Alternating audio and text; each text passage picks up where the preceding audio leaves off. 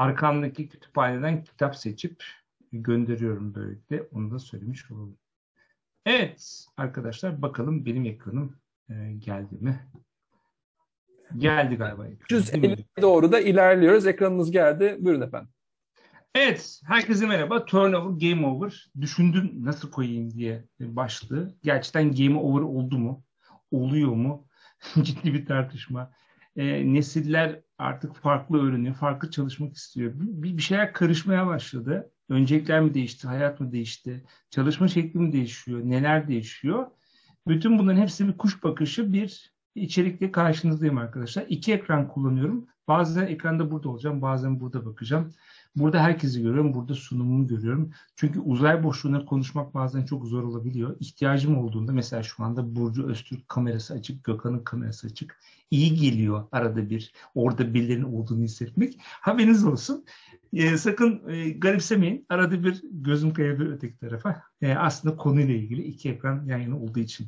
Evet, konu uzun ama soru çok büyük tabii. Tsunami başladı mı? Yeni mi geliyor? Yani bilmiyorum ne diyorsunuz ama birazdan tartışacağız. Tsunami var gerçekten yani bu bir şekilde eski e, koltuklar boş bırakılıyor. Bunların yerine yenileri geliyor. Birçok sebebi var.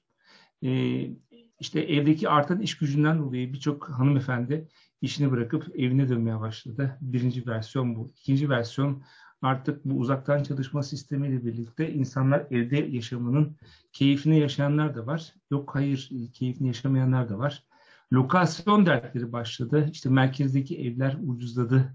Ee, daha yakın e, mesafedeki evler e, bir ara pahalılaştı. Şimdi Arap sermayesi sayesinde yine merkezler yine artmaya başladı. Genel olarak baktığımız zaman tsunami başladı mı, yeni mi geliyor diye bugünün aslında çıktısı bu olacak. Ben bu konuda kesin bir şey söylemek istemiyorum. Bu konudaki yaklaşımlar farklı çünkü bu e, tsunami'nin artacağını söyleyen görüşler de var. Bunun geçtiğini söyleyen görüşler de var. Ama ben e, aslına bakarsanız e, 2020, 21, 22 arasında bir köprü kurup 2030'a olan yolculuğu biraz paylaşacağım sizlerle. Kayıt alıyoruz demiştim. Ee, benim dört tane başlığım var. 2020'de neler oldu? 2021'de neler değişti? 2022'de neler oluyor? 2030'da neler olacak? Yani baktığınız zaman bu 2030'da benim yaklaşık bir 5-6 aydır üzerine çalıştığım bir konu. TR 2030 diye bir e, aslında çalışma yapıyorum. Türkiye'nin 2030 fotoğrafını çekmeye çalışıyorum. Onun için de HR 2030 diye çok eğlenceli bir dokümana denk, denk gelmişti. O, o da beni alevlendirdi. Ya dedim bunları paylaşmam lazım dedim. Dolayısıyla bugün buradayız. 45 dakika anlattıktan sonra 20 dakika konuşalım, tartışalım. Webinar kitapçığına daha sonra ulaşacağınızı zaten söylemiştik. Çok kısa benimle ilgili hakantetik.com'dan ulaşın. Ulaşın bana. Reklam yapmayı sevmiyorum. Kolektivist bir insanım. Kural yıkıcıydım pandemiye kadar. Pandemiyle birlikte adımı değiştirdim. Yaklaşımımı değiştirdim. E, her şeye karşı çıkan, kuralları zorlayan birisiyken şimdi daha kolektife döndüm. Kolektif herkesin hayrına demek. E, toplumun herkesin iyiliği için bir şeyler yapan demek. Strateji, müşteri ve dönüşüm konusunda çalışmaya devam ediyorum. Beni her zaman izleyebilirsiniz. Şimdi 2027'de neler oldu? Yani biraz sonra e, soru cevap kısmında da bu konuda bakış açılarını getirmek isteyenler varsa tabii ki elbette çok seve seve cevap vereceğim. Ama bir şaşkınlık dönemi oldu. Ne olduğumuzu anlamadık. 2027'de herkes bir anda duvara tosladı. Bunun geçeceğini düşünmeye başladık. Bir sürü duygular yaşadık. Aslında bu duyguları biz yaşayınca şunu da anlamamız lazım. Çalışanlar da yaşadı. Değil mi? İşverenler de yaşadı. Toplumun her kesimindeki her türlü insan bu korkuları yaşamaya başladı. Çünkü gerçekten e, herhalde insanlık tarihinin başına gelen en büyük felaketlerden bir tanesini 2020'de bir anda göbeğimizde bulduk. Yani bazen teğet geçiyor bizi e, krizlerde bir laf var. Bu bayağı teğet falan geçmedi. Göbeğimizin ortasını yarıp geçen bir hadise oldu. Gerçekten çok zorlaştı hayat hepimiz için. Ama ne olduğunu anlamadık. 2027 biraz böyle şaşkoloz olduğumuz bir dönemde. Aslında biraz eski alışkanlıkları bırakma dönemiydi ama zordur alışkanlıkları bırakmak. Metafor olarak şeyi çok seviyorum ben. Bir duvarı tekrar boyamak istediğiniz zaman boyayı sıyırmak işin %70'i tekrar boyamak işin sadece %30'u diye çok sevdiğim bir metafor var. Yani eski alışkanlıklar gerçekten o kadar köklü olabiliyor ki Biz bazen onları bırakırken çok zorlanıyoruz. Hani oraya ekstra efor sarf etmemiz gerekiyor aslında. O yüzden benim yeni kitabımda çok anlattığım bir şey var. Unlearn etmeyi de learn etmek gerekiyor. Ne demek? Bildiklerimizi bırakmayı nasıl bırakacağımızı öğrenmek gibi aslında çaba içine girmeye başladık. 2020 evet öğrenemediğimiz, şey, öğrenemediğimiz şeyleri bize zorla, zorla öğreten bir dönem oldu diye aslında ısrarla söyleyebilirim. Maliyeti çok yüksek oldu hepimize. Gerçekten hiç bilmediğimiz bir yaşam tarzı, hiç bilmediğimiz bir beslenme şekli, vakiti nasıl geçireceğimiz konusunda çok enteresan denklemler olduğu, aile kavramının tekrardan ortaya konduğu, bütün kartların tekrar kırıldığı bir dönem oldu. Çok zor oldu. Ve ben buna diz kapağı refleksi diyorum. Diz kapağı refleksini bilir misiniz bilmiyorum ama vurursunuz ve bir anda o anda bile olmaz bir zaman sonra tık diye diziniz atmaya başlar. Hepimizde bir diz kapağı refleksi oluştu 2020'de ve biz artık böyle her şeyden korkar olduk. Yani bize dokundukları zaman hemen inceceğimizi sanmaya başladık. Her şey alt üst olmaya başladı. Kestiremediğimiz bir takım korkuların sonuçlarını gerçekten hissetmeye ve fazlasıyla da kendimizi gözlemlemeye başladık. Şaşkındık, şaşkındık. Haklıydık da şaşkın olmakta. Çünkü bilinmeyen bir denklemle karşı karşıyaydık ve biz buna refleks göstermekle ilgili daha önce hiçbir şeyimiz de yoktu. Dolayısıyla otonom bir halde buna refleksler göstermeye başladık. Sonra şeyler başladı. Özellikle iş dünyasında e dönüşelim, dönüşelim, dönüşelim demeye başladılar. Ve bu dönüşümler şirketlerde olmaya başladı. Ama şöyle bir şey var. Hiçbir dönüşüm tek başına hallolmuyor. Önce insanların buna hazır hale gelmesi lazım. İnançlar, değerler, davranışlar. Gerçekten çok zor. E, bence orası işin en kallavi, en zor kısmı. Orada kabuk çok kalın. İnançlar ve değerleri sarsmak hiç kolay bir şey değil. E, şirketlerin kültürü de öyle. Her şirketin bir DNA'sı var. Her şirketin bir kendine ait bir gen haritası var. İş yapma şekli var ve bu iş yapma şekli o şirketin artık kültürü haline gelmişse onu dönüştürmek çok zor. Ve bir sürü şirket dönüşüm programı adı altında e, 2020'de yavaş yavaş hazırlıklarını yapmaya başladı. Ama çok net söyleyeyim yüzde sekseni benim birçok müşterim var bu konuda. Yüzde sekseni 2020'de e, sınıfta kaldı. Çünkü o kadar kolay olmayacağını çok net görüyorduk. Ama bir şey fark ettik. Bir şey fark ettik. Kolektife dönmeyi öğrendik. Kolektif ne demek benim için? Benim için şu demek. Herkesin güçlü bir yönü var. Herkesin iyi yaptığı bir şeyler var. Ve herkesin iyi yaptığı yerleri keşfetmeye başladık. Çünkü ortak bir mesele doğdu. Ortak meselenin adı Covid. Ve ortak mesele dediğiniz zaman çok enteresan bir şey de karşımıza çıkmaya başladı. Buna tek başımıza baş edemez hale geldik. Toplum bu konuda bilinçlenmeye başladı. Sadece Türkiye değil, dünya bu konuda bilinçlenmeye başladı. Pekala sokakta maske takmayan birine birileri niye maske takmıyorsun demeye de başladı. Yani mesele bizden büyük olunca, mesele bizden büyük olunca ben yerine biz geldiğini öğrenmeye başladığımız bir dönem oldu. Bu bizi biraz yumuşattı. Yani tekrar o e, benim çok odağına alındığı bir dönemden biraz daha bize toplumun e, toplam iyiliğini isteyen bir kafaya gelmeye başladık. Ama bu kasları bırakmamamız gerektiğini birazdan size açıklamaya devam edeceğim. Dolayısıyla 2020 bizim için şaşkınlıkla yeni şeylerini öğrenmeye çalıştığımız dönüşüm programlarının olduğu ama bir türlü dikiş tutturamadığımız bir dönem gibi aslında oldu. Çok iyi hatırlıyorum ben. 30 Mayıs 2020'de ilk bu dalgayı atlatıyoruz gibi bir şey konuşmuştuk. Ben de o zamanlar e, süper kahramanlar iş başına diye bir video çekmiştim. Yani şey demiştim toplumun bilinçli kesimini gerçekten bu meseleyle baş etme konusunda kolektifte kalmaya, insanların bu konudaki farkındalığını biraz arttırmak için çaba sarf etmeye davet etmiştim. 2020 böyle geçti. 2020 gerçekten hiç kolay değildi ama hareket etmediğimiz, belli şeyleri koruduğumuz, belli şekiller duvara tosladığımız, anlamaya çalıştığımız, geçeceğine inandığımız bir dönemdi. Fakat 2021 böyle olmadı. 2021'de gerçekten domino etkisi oldu. 2021'de o 2020'de hareket etmediğimiz her türlü şeyin bedelini ödemeye başladık. dünya ödemeye başladı. Türkiye'de ödemeye başladı. 2021 sert bir sene olarak başladı. Neler değişti 2021'de? Bunu çok sağlam raporlardan çıkardım gerçekten. Ve 2021'de öncelikler olarak bizim zaten bildiğimiz bir şey vardı ama e, çalışanların aradığı üç tane önemli şey ilk kez ön plana çıktı. 2021'de en patlayan üç tane konu bunlar. Buna eskiden vardı ama bir o 10 tane listenin bir yerlerindeydi.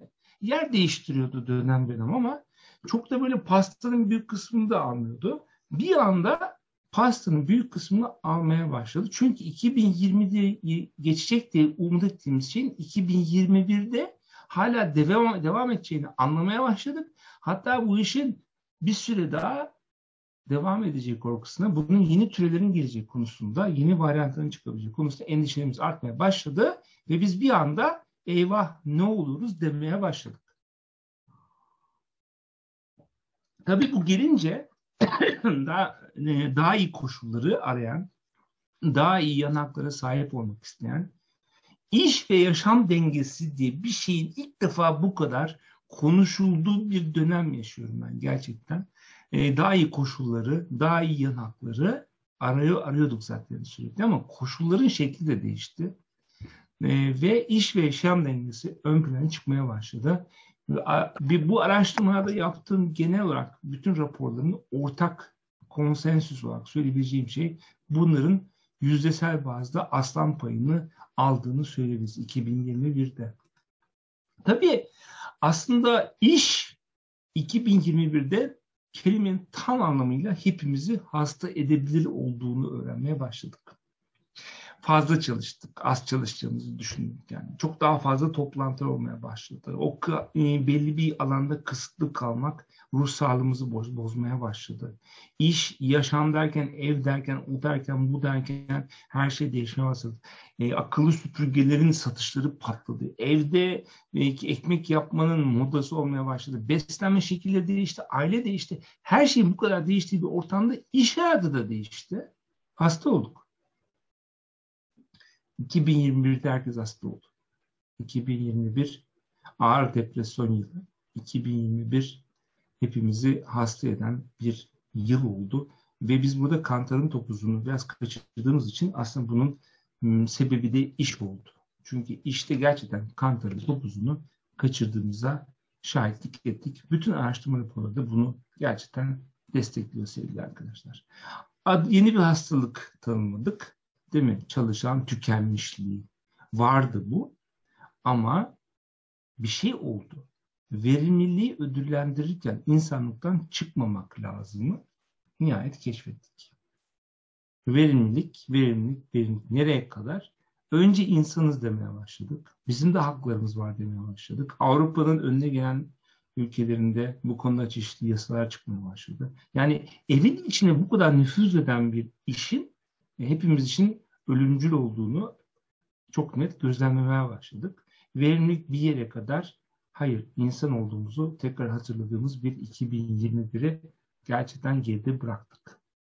Bunu yaparken en büyük devrim İK'da oldu. Burada da birçok arkadaşımız var. Ben bunu İK en büyük en büyük krizde kabuğunu kırdı diyorum. Yani insan için en büyük kriz yani benim gözümde bu insanlık tarihi için. Ama İK için kabuğunu kırma yılı oldu. E, ve İK için neden bu böyle oldu? Bu da yine çok iyi bir araştırmanın sonuçları. İK liderlerinde e, aranan yani olan değişimler aslında çok enteresan olmaya başladı. Ve yüzde 72 gerçekten daha stratejik boyutta insan kaynaklarının temsil edilmeye başlandığını söyleyebiliriz. Bunu pekala yapan çok şirket vardı ama İK'nın gücünü o gerçekten bu ortamda insan kaynaklarının insan sermayesine olan yaklaşımdaki farkı ve orada ne yapmamız gerektiği konusunda inanılmaz bir farkındalık arttı. %72'si rollerin değiştiğini ve e, değerin arttığını söyledi. %59'u pandemiyle İK liderlerin kendini daha görünür olduğunu söyledi. Ve %60 da gerçekten İK'nın rolünün değiştiğini fark etmeye başladık dediğiniz bir döneme girdik.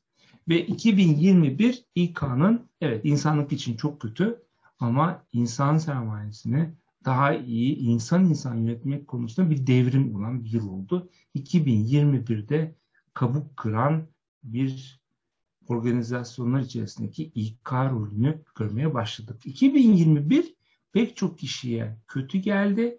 Şirketlerdeki belli fonksiyonları iyi geldi. Bunların başını insan kaynakları veya insan sermayesini yöneten ekiplerin aldığını çok rahat bir şekilde söyleyebiliriz. 2022'de neler oldu? Neler oluyor yani? Neler yaşıyoruz şu anda? Evet, kurumsal hayat sorgulanıyor. E, profesyonellik sorgulanıyor. Acaba buna gerek var mı demeye başladık. Çünkü kriz büyümeye başladı. Göçler arttı. E, insanlar yurt dışına gidiyor. Şey, büyük şehirlerden küçük şehirlere yerleşimler arttı. Uzaktan çalışma konusunda yeterince yeteneğe sahip olan, yetenek sahibi, yetkin kadroların artık iş tercihlerinde gerçekten hayır ben eve ben mümkünse evden çalışmak istiyorum. Hiç işe gelmek istemiyoruz yaklaşımların arttığını görmeye başladık. Ve bu artan bir tendans. Üzgünüm. 2021'de hiçbir şey geride bırakmadık. Bu bayağı kar topu misali 2021'den 2022'ye büyüyerek gelmeye devam ediyor. Yani kurumsal yaşamdaki parlak ayakkabılardan artık bambaşka bir yere gitmeye başladı. Ben kendimden de söyleyebilirim. Eğitimlerimin %98'i neredeyse e, online. Arada bir tek tük e, fiziksel bir şey oluyor. O da hani insanlarla buluşalım anlamında ben de hayır demiyorum. Özlediğim bir şey olduğunu düşünüyorum. Yola çıkıyorum. Yolda trafiği bir yiyorum. E, ondan sonra eğitimden sonra bir daha yiyorum. Diyorum ki ya ne işim var benim dışarıda? Trafik korkunç yani İstanbul'da. İstanbul'da hiç akıl kârı değil. E, bu şimdi diyeceksiniz ki ya hocam benzin fiyatı arttı falan filan. Hayır biz balık hafızalıyız toplum olarak. Benzin fiyatı bizi etkiler ama bir hafta etkiler, on gün etkiler, bir ay etkiler. Sonra eski tas eski ama insanlar binmeye devam ederler arkadaşlar. Trafik hiçbir zaman azalmadı İstanbul'da. Yani hiçbir zaman azalmadı. O yüzden 2022'de belli şeylerin eğilimlerin artarak gittiğini söyleyebilirim. Tabii bu arada bu eğilimin artmasının sebebi sadece insanlar değil, buna cevap veren bir takım işletmeler de kendilerini çoktan yapılandırdılar. Yani bazı işletmeler uydu. Yani 2021'de hala bunun geçtiğini düşünen çok işletmeli ben çalıştım. E, işte geçmiyor yani çok net. Bazı akıllı işletmelerse bunu fırsat bilip gerçekten 2021'de gerekli hazırlıkları yapıp 2022'de büyük yetenekleri elde etmek konusunda gereken hamleleri yaptılar ve unutmayın yetenek kadar aranan bir şey şu anda dünyada yok. Kaptırdık yani bütün yetenekleri. Türkiye açısından çok üzgünüm. Büyük yetenekler gerçekten göç etti arkadaşlar. Büyük yetenekler. Özellikle geleceği parlak olan genç nesillerin çok ciddi göçleriyle karşı karşıyayız. Açıklanan rakamların sadece bir kısmını biliyoruz. Bütün rakamlara baktığımız zaman da karşımıza korkunç tablolar çıkıyor. Bu sadece Türkiye özel bir şey değil. Evet, Batı, Amerika ve gelişmiş toplumlar gerçekten uzaktan çalışma ile birlikte ciddi bir çekim merkezi haline geldiler. Her ne kadar uzaktan çalışsalar da e, bir şekilde bu insanları çekmeyi başarırlar. Tabii en ideal nedir hocam? En ideal nedir diye bana çok sorum oluyor. Benim çok komik bir cevabım oluyor. Yani bir uluslararası şirkette çalışıp döviz alıp Türkiye'de yaşamak diyorum. Çok net yani değil mi? Mümkünse döviz versinler bana. Ben Türkiye'de yaşamaya devam edeyim. Zamanında kendim ayarlayayım yani. Dünyanın en güzel işi ben size söyleyeyim. Yani yurt dışına taşınmanın da çözüm olduğunu düşünmüyorum ben. Ben mesela bu eğilimin arttığını düşünüyorum. Bu eğilimin daha da artacağını düşünüyorum. Dolayısıyla bu çerçevede 2022'de ne oluyor dediğiniz zaman aslında uzaktan çalışma ile İK için öne çıkan bazı yetenekler çıkmaya başladı. Bu da yine çeşitli raporların ortak bir zekasından çıkan bir kavram. Üç tane fokus alanı gözüküyor arkadaşlar. 2022'de zenginleşecek olan. Bir tanesi kurumsal well-being, iş ve yaşam dengesinde aslında kendini iyi hisseden çalışanların olduğu kurumsal şirketlerin şansının çok ön plana çıkacağını çok net bir şekilde görüyoruz. Aslında burada çok net bir şey var yaşadığımız hayatın tatmin seviyesini yükseltmek istiyoruz. Yani herkes, bu odadaki herkes, burada şu anda kaç kişi var bir bakayım. Kaç kişi var Gökhan göremiyorum şu anda ama. 395. Tamam. 400 kişi var burada. Çok net hepimizin tek bir şey var. iş hayat yaşadığımız hayatın tatmin seviyesini yükseltmek istiyoruz. Yani hayatımızda tatmin miyiz değil miyiz? Akşama kadar tartışalım. Yani uzaktan çalışmak bize iyi mi geldi, kötü mü geldi hocam? Yani kilo aldık hocam, sağlığımız bozuldu hocam. Tamam, hepsi tatminle alakalı. Ama çok basic bir temelimiz var. Önce insan olduğumuzu hatırladık. Hatırlamalıyız da insan insana iş yapan ama kurumsalda çalışan birileri olmamız lazım. Herkesin özel hayatına saygı göstermemiz lazım. İş yaşam dengesini tutturmakla ilgili gerçekten İK için öne çıkan bir takım yetenekler olmaya başladı. Yani siz bugün bir kurumsalda İK yönetiyorsanız çalışanlarınızın kurumsal anlamda well-being'ini sağlamakla ilgili bir ajandayı çalıştırmanız gerekiyor. İkinci öbek alanı empati ve kolektif zeka. Empati kurmak hep bildiğimiz, konuştuğumuz bir şeydi ama e, aynı zamanda kolektif zekayı da yanına koyuyoruz. Yani empatik olmak, karşı tarafı anlamak olduğu kadar kolektifte kalarak herkesin en iyi tarafını e, aslında birleştiren bir yapıda işlerin yapılmasını sağlamak gibi bir denklem geldi. Bu da takım oyununu, takım kompozisyonunu, rolleri, yapılacak olan işlerin dağıtımı konusunda daha doğru rollerde, daha doğru kişilerin, daha doğru işlerde ama mutlaka empatik kaslarla çalıştırılması zorunluluğunu beraberine getirmeye başladı. Bu da bizim ikinci odak alanımız. Verimlilik ve etkinlik diye bir kavram var. Burada da işleri doğru yapmak benim, benim her zaman kullandığım bir şeydir. Bu verimliliği ben de çağrıştırırken etkinlikse önce doğru işleri yapmak anlamına geliyor. Dolayısıyla şirketlerde kaynak kullanımını e, organize eden, etkin e, kararlar alan, etkin önceliklendirme yapan liderlerin gerçekten ön plana çıktığını görmeye başladık. Stratejik bakış açısına sahip olan, e, etkinliği geliştiren, doğru zamanda doğru kararları veren, elini taşın altına koyan, gerektiğinde risk almasını beceren ama bunu yaparken şirketin gittiği yönü her zaman bilen ve hiçbir zaman unutmayan ve şirket için en doğru kararları etkin ve verimli olacak şekilde almayı bilen liderlerin yetişmesine yönelik bir ajanda kalabalık bir şekilde kendini göstermeye başladı. Tabi bunlarla yetinmedik. Yetmedi bunlar. Teknoloji diye bir şey girdi. Şimdi teknoloji yapay zeka, yapay zeka, yapay zekada konuşuluyor. Gittiği yer tabii ki burası yani, değil mi? Gittiği yer burası. Bunu tartışmaya da gerek yok.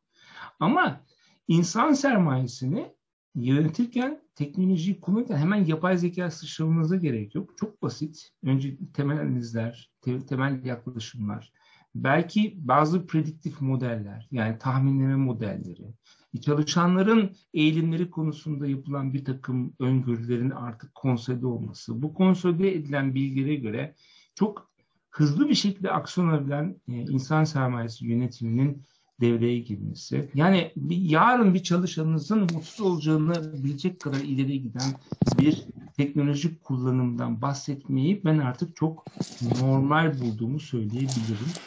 Bunu yaparken tabii ki insan insana yapmak kadar bu insanın zekasını da teknolojiyle taşlandırıp e, gelişen bir takım sistemleri göreceğiz arkadaşlar. Çok net bir şekilde. Burada büyük yatırımların olduğunu ben biliyorum. Hatta birkaç tanesini de daha bir iki sene öncesine kadar çok net bir şekilde incelemişliğim var. E, burası gümbür gümbür geliyor. Size, size tek bir tavsiyem var. İnsan sermayesini yönetirken olabildiğince teknolojinin dibine vurmamız gereken bir dönemdeyiz. Tabii popüler konu çalışan deneyimi. Çalışan deneyimini e, baktığımız zaman da aslında işe giriş anından işte çalışırken e, ve iş sırasında yaparken işlerini yaşadığı bir takım zorluklarla baş ederken hatta bir işten çıkarken o insanı en doğru şekilde bir işe yeni bir yere uğurlarken dediğimiz bir aslında çalışan deneyimi yolculuğu yaşıyoruz. Ve hep şey vardır ya orası mı orası okuludur bu işin falan filan derler. Aslında şu demektir orada çok şey öğrenirsin. Biraz dayak yersin. Ama iyidir işte oradan çıktığın zaman olmuşsundur dediğimiz. Bu mesela çalışan deneyiminde e, okul kabul eden yerlerin e, neden eskiden beri çok kıymetli olduğunu çok net bir şekilde görüyor. Evet bedelini herkes ödüyor ama çok şey öğreniyor. Ve diyor ki orası okul diyor. E sen gir diyor oradan başla diyor. Mesela işte, bu eskiden bildiğimiz şey şu an daha da güncel hale gelmeye başladı. Çalışan deneyimi bir çalışan bir yerden çalıştığında bir arkadaşı onu sorduğunda o ayrıldığı yeri onun hakkında iyi konuşmasını sağlamaya kadar giden yolculuğu bize tarif ediyor. Peki çalışan deneyimi neler etkiliyor? Neler etkiliyor? Bu konuda da bütün raporları sizinle paylaşıyor olacağım. Ee, yeni, yeni çalışma şekli hakkında varsayımlar çok. Ama ben hiç bu varsayımların tutarlı olacağını düşünmüyorum. Anormal değişimler olacağını düşünüyorum. O yüzden ben dinamik yol haritasında bir kavram tarif ediyorum stratejide. Hedef bellidir ama yol değişebilir derim. Yani körü körüne bir şeyi varsaymak bence doğru hareket değil. Benim burada peşinde olduğum şey çok net. Ee, bazı değişimler olacak, bazı dönüşümler olacak ve emin olun bunu biliyorum diyene ben hiç yani hiç yemem onu yani kesinlikle. Bilmiyoruz. Çünkü o kadar çabuk değişiyor ki davranışlar, o kadar çabuk ihtiyaçların öncelikleri konusunda farklılar görüyoruz ki burada yapılacak olan tek şey var. Bence yatırımı çalışma şekline değil, çalışma kültürüne, çalışmadaki odak alanlara yani çok çabuk dinamik yol değiştirecek olan kabiliyetlerine almamız gerektiğini söyleyebilirim. Yetenek avındaki belirsizlikler. Bu ne demek? Şimdi yetenek avı diye bir şey var. Herkes avlıyor gerçekten. Yani iyi yetenekleri herkes istiyor. Bu da kantarın topuzunu biraz kaçırmaya başladı. Yani gerçekten bazı e, kişiler transfer olduklarında eski ücretlerinin 5 katına kadar transferler yapabiliyor şu anda. Ben canlı şahidiyim bunu. Yani Türkiye'de X bir iş yaparken yabancı bir şirkette e, Euro bazında hem de upgrade olarak transferler mümkün olabiliyor. Bunu hiç e, şey yapmıyorum, hor görmüyorum, küçük de görmüyorum. Ama ne oluyor? Bir anda taban boşalıyor değil mi? Yani birilerinin tabanda yetişmesi lazım. Yani üçgen gibi düşünün. Yukarı doğru gitmesi lazım. E alt, alt boşalmaya başlıyor. Herkes yukarı doğru kaymaya başlıyor. Yukarı doğru kaydıkça herkes yukarıdakileri saldırmaya başlıyor. Maliyetler çok artıyor. Çok artıyor. Yetenek avında buna zero sum game demeye başladılar. Yani gün sonunda birisini alıyorsun ama maliyeti o kadar yüksek oluyor ki onun yeteneğini almış oluyorsun ama belki de onu amorti edemiyorsun. Dolayısıyla burada da bir açmazla karşı karşıya insan sermayesi yöneticileri ve burada da gerçekten biz bazı değişimleri göreceğimizi çok net anlatabilirim. Tabii e, değişen yönetim öncelikli olmaya başladı. Biz ne arıyoruz bir insan sermayesi yönetimi biriminden derseniz acayip yönetimde bazı öncelikler değişmeye başladı. Yetkinlikler de değişti. Yani gerçekten yapay zeka müthiş bilen doktorlara ihtiyaç var diye makaleler dolaşıyor ortalıklarda. Ben söyleyeyim yapay zeka dibine kadar bilen, bilmediği teknoloji olmayan bir insan sermayesi yöneticisinin şansının kalmadığını ben söyleyebilirim. Üzgünüm yani. Üzgünüm yani. Bu dünyada sadece ücret için çalışan kimse kalmadı arkadaşlar. Sadece ücret için çalışanlar kesinlikle yetenek sınıfındaki olan kişiler değil. Var olma, kendini iyi hissetme gibi parametreleri gayet canlı bir şekilde görüyoruz. Benim neslim değil bu tabii değil mi? Ben 68 doğumluyum. X kuşağının bir mensubuyum. Burada X kuşağı olanlar beni şu an yalanlayabilirler. Hayır e, arkadaşlar üzgünüm. Biz bizim kuşağımızda bunlar eyvallah diyebiliyorduk ama yeni kuşakta bunlara böyle denmiyor. Çok yakın zamanda e, bu Covid dönemi sırasında bir keynote'um vardı benim.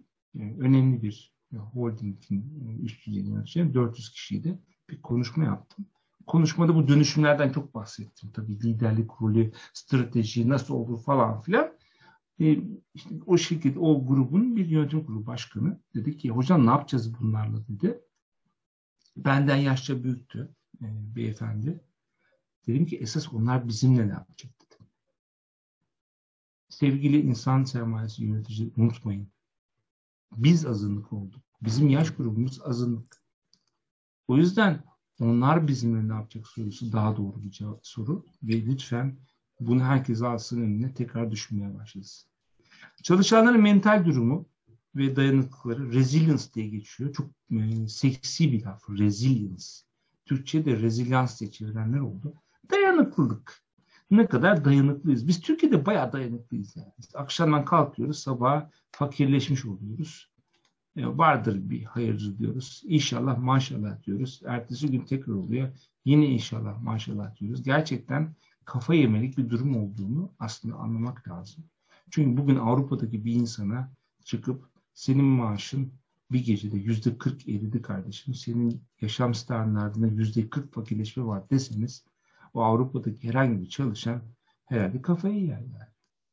Dayanıklılık diye bir şey öğretiliyor. Bayağı dayanıklıyız arkadaşlar. Ama bu dayanıklılık kendini farklı şekillerde mentalde sürdürülemez olan bir takım bozukluklara kendini göstermeye başladı. Depresyon. Ağır depresyon yaşıyoruz. Ağır kaygılar yaşıyoruz. Gelecek konusunda kendimiz kadar çocuklarımız için de umutsuzuz. Ve gerçekten bunlar sadece bizim ülkemizin de sorunları olmaktan çıkmaya başladı. Evrensel sorunlar haline gelmeye başladı. Dolayısıyla çalışanların mental durumunu niye iyi olmasını bekleyelim ki insanlık iyi değil. O zaman biraz daha bu işe farklı bir açıdan bakmakta gerçekten çok e, güzel bir şekilde yaklaşmak gerekiyor. Farklılıkların yönetimi. Şimdi farklılıklar bizim sevmediğimiz şeylerde e, ve ben bazen çok denk geliyor. Bir mesela bir şirket bana diyor ki hocam diyor biz çok inovatif bir şirket olmak istiyoruz. Ya. Acayip diyor. Dünyaya sarsmak istiyoruz. Peki diyorum Elon Musk'ın sizde çalışmasına izin vereyim miydiniz diyor. Çok basit bir soru değil mi? Çok farklı. Yani bugün maaşla çalışmayacak olağanüstü yetenekler var. Belli bir saatte ofise gelmezler. Gelseler parmak arası terlikle gelirler. Belki adam gelecek ofiste kafasına göre takılacak, iş gidecek, bilmem ne yapacak. Hadi bakalım yönetim burayı. Kolay değil. Büyük bir lokma ile karşı karşıyayız. Farklılıkları yönetmek diye bir ajandamızın olması gerekiyor. Bu farklılıkların bizim dezavantajımızın değil, tam tam bilhassa rekabet avantajı olduğunu keşfetmeniz gereken bir dönemdeyiz. Ama bir şartım var.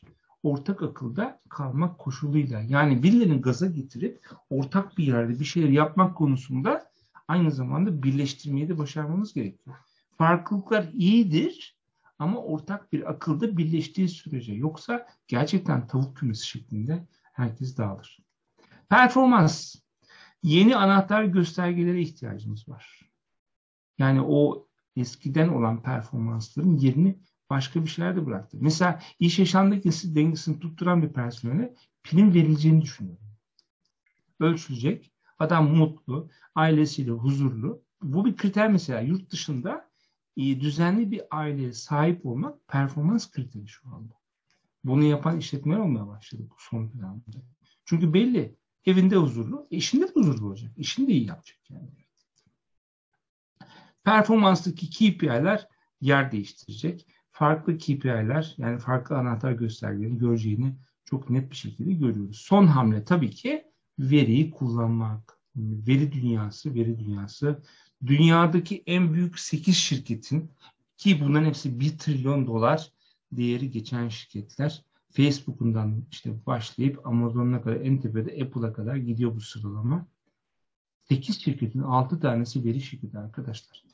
Biz neyin kafasındayız yani? Verinin bu kadar önemli olduğu bir dünyada biz insan kaynaklarında ve insan sermayesini yönetirken standartlarda, değişimlerde veriyi doğru kullanmıyorsak gerçekten çoktan geride kaldığımızı kendimize itiraf etmemiz lazım. Peki hep beyaz yaka konuşuyoruz. Bu sunum hazırlarken beyaz yaka, beyaz yaka var mı? Yani bizim mavi yakalarımız var ya. Türkiye'nin çoğunun mavi yaka.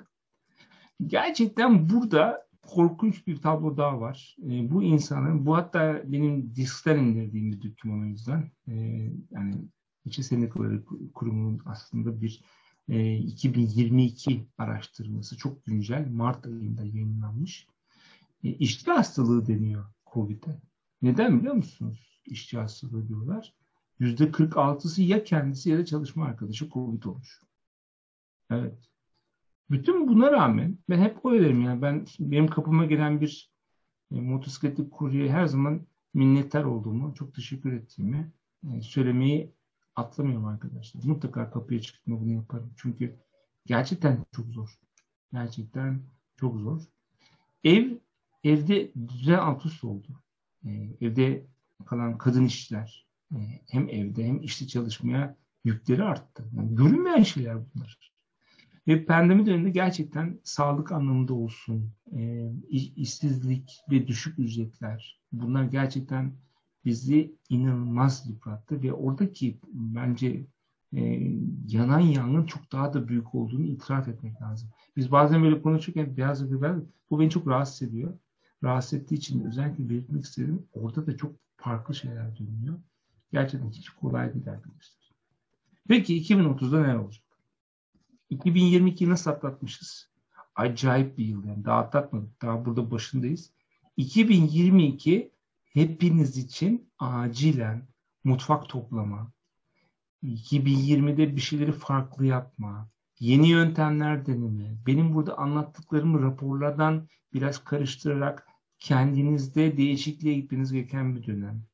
Ee, yeni kitabımda özellikle belirteceğim an öğretmeniz lazım. Bazı alışkanlıkları bırakmanız lazım. Ve kabul etmek lazım. Bizim kafamızla bir sonraki neslin kafası aynı değil.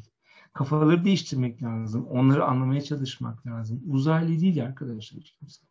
Herkesin bir önceliği var. Herkesin kendi önceliği var. Ve bu çerçevede biz bunları artık şöyle yapmalısınızdan ziyade çok farklı bir şekilde bakmamız gerektiğini söyleyebiliriz. 2030'da neler olacak? Bu araştırma raporunu da size göndereceğim. Isabel Chapius ve Gabriel Rizzo'nun e, araştırması. Gerçekten HR Futures 2030 diye çok güzel bir doküman. Yani defalarca doküman taradım. Bence bunların içindeki en iyilerden bir tanesi bu olduğunu söyleyebilirim. Beklentiler burada çok net bir şekilde açıklanmış. Ee, çeviklik tabii. Ama teknolojik çeviklik dediğini ben yine altını çizeyim. Fakat ben çevikliği sadece teknoloji olarak değil, iş yapış şeklindeki aslında çevikliklerin teknolojiyle desteklenmesi olarak adlandırmayı daha çok seviyorum. Sadece teknoloji tek başına bir işe yaramaz. Mesela dijitalleşme değil yani mevzu. Dijital araçları kullanarak aslında işi daha çevik yapmak, dijitalin bir araç olduğunu, amaç olmadığını öğrenmekle ilgili bir denklem var karşımızda. Veri kullanımının çok arttığı, yetkin insan gücünün çok ön plana çıktığı, strateji vizyonun herkes tarafından sorgulandığı ve bilinmek istediği, çalışan deneyiminin yıldız olacağı ve sürdürülebilirlik anlamında gerçekten insan sermayesinin hiç olmadığı kadar önemli olacağı bir dünyaya doğru yelken açıyoruz. Peki ne oluyor? Ne oluyor? Ne diyor çalışanlar? Ben diyor desteklenmek istiyorum. Değerli hissetmek istiyorum. Duyulmak istiyorum onaylanmak istiyorum diyor. Yani insanların mesleğini sevmesiyle ilgili gerçekten burada çok önemli noktalara gelmeye başladılar. Ve burada ileriye dönük nokta vuruşu eğitimler, yeni değerlerin özen, e, önem kazanması, beklentilerdeki bazı değişimler, well-being dediğimiz aslında biraz daha iş ve hayat dengesini tutturan yaklaşımların işletmeler tarafından da ele alınması ile ilgili bir takım denklemlere görmeye başladık sevgili arkadaşlar. Peki insan sermayesini veri yönetmek nasıl adlandırılabilir? Aslında insan sermayesinin en üst düzeyde temsilinden bahsediyorsam orada işler çok zor. İşler çok zor. Alışkanlıkların daha yoğun olduğu, eski başarı sarhoşluğunun hala devam ettiği, işlerin çabuk düzeleceğini düşünen 10, 20, 30, 40 yıllık birikimlerin olduğu bir alanda arkadaşlar kendinizi kabul ettirmek istiyorsanız tek bir silahınız var. Veri. Veriyi çok iyi kullanmanız lazım. Ve tüm liderleri İK kültürüne çekmek için de veriyi çok önemli bir havuç olarak ortaya koymanız gerekiyor. Yani bence göbekten konuşmayı değil, göbekten hissettiklerinizi veriyle desteklemeniz gereken bir döneme girdiğinizi 2030'da da bu dağların devam edeceğini söyleyebiliriz. Bu da çok güzel bir araştırma. Yine bu araştırmayı da size göndereceğim kaynaklarıyla birlikte. Aslında dünyadaki şu andaki ilanların %20'si esnek hibrit çalışma aslında ilanları. Yani işverenler birilerini işe almak istediğinde 100 ilanın 20 tanesi diyor ki biz esnek ve hibrit çalışmaya uygun eleman arıyoruz diyor. Ama çalışanların beklentisi neymiş arkadaşlar? Mutlaka yüzde 52 arkadaşlar esnek çalışma, kriz öncesindeki Y jenerasyonu esnek çalışma daha çekici ve dönüşen çalışanların yüzde 50'si iş ve yaşam dengesiyle birlikte kariyer ve etik ve değerler konusunda beklentileri varken burada ironik olan şey gerçekten yüzde 60, 70, 80'ler mertebesinde hibrit çalışmak isteyenler varken sadece bizim ilanlarımızın şu an yüzde 20'sinin bu şekilde olduğunu gözlemlemiş oluyoruz. Özetle 2030'a giderken ne oluyor? Gerçekten e, düzenli iletişim, frekans artışı diyorum ben buna.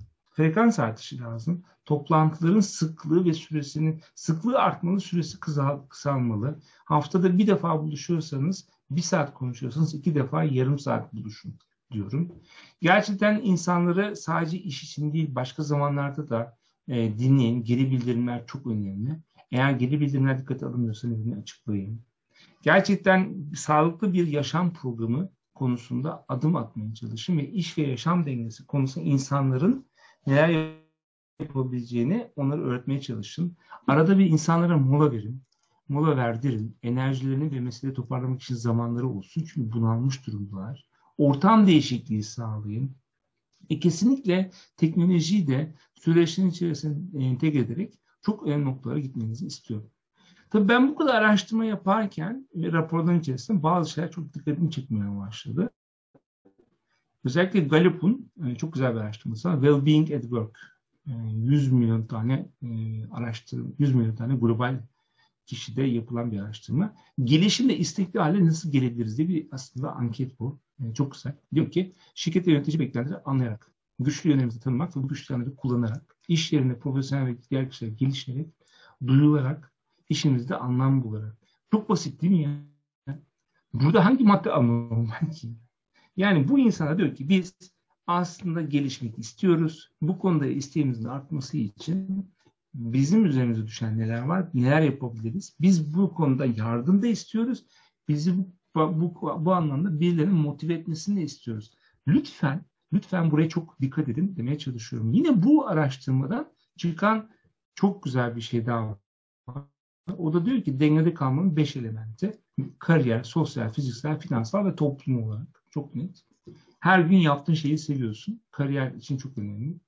Sosyal tarafta gerçekten yani anlamlı bir arkadaşlıklar, enerji sahibi olmak, paraya sahip olmak, yaşadığın yer, yerden memnun olmak dediğin zaman dengede kalmanın beş tane elementi karşımıza çıkıyor sevgili arkadaşlar.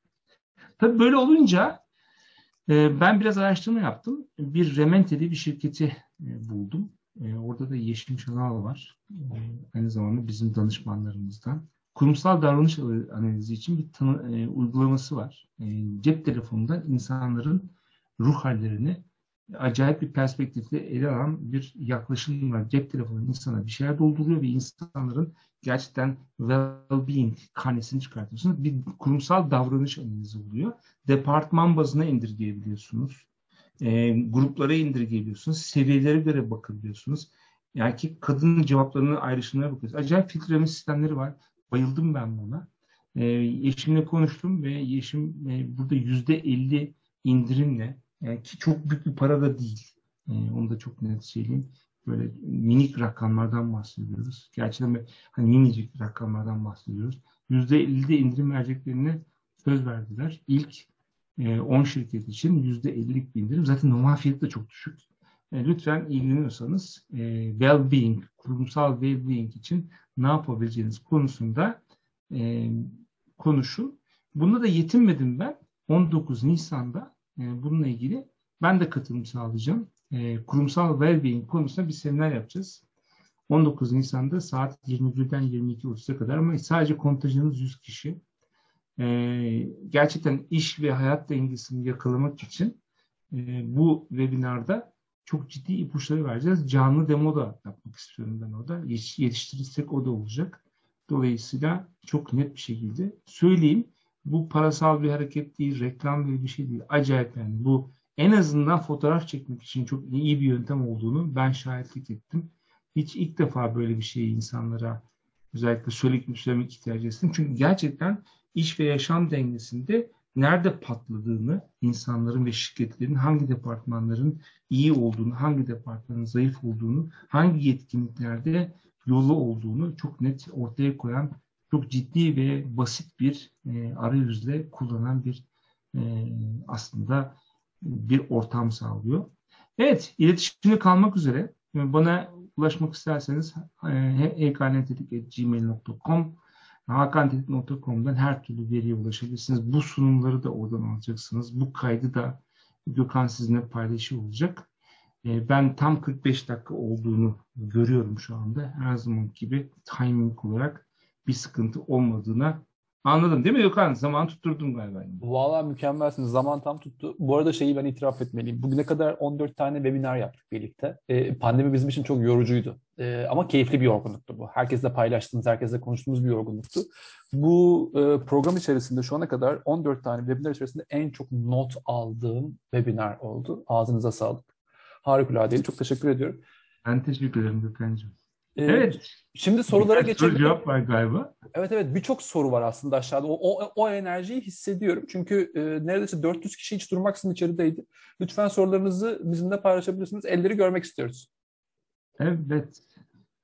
Bir 4-5 tane soru alacağız buradan canlı. Diğerlerinde arkadaşlar ne yapacağız tahmin edin. Ee, bize göndereceksiniz. Biz onu cevaplayacağız. Boş bırakmayacağız. Evet. Var Yarın, mı soru? yarın sabah sizlere form paylaştırılacak.